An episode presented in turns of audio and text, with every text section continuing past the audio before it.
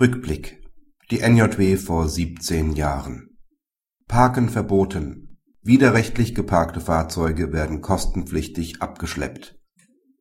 Welcher Autofahrer und Innenstadtbesucher kennt dieses Verbotsschild nicht? Dass die Berechtigten von dieser Drohung zunehmend auch Gebrauch machen und die widerrechtlich geparkten Fahrzeuge durch private Unternehmen kostenpflichtig abschleppen lassen, beschreibt Stefan Lorenz ab Seite 1025 Folgt man seinen Ausführungen, liegt in diesem Verhalten aber keine Abschleppabzocke, wie in der Presse so oft angeprangert.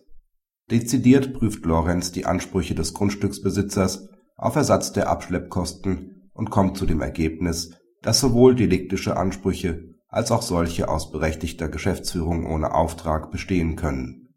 In der NJW von vor 17 Jahren widmete sich bereits Christian Grüneberg der Schadensersatzpflicht bei verkehrswidrig abgestellten Fahrzeugen (NJW 1992, Seite 945).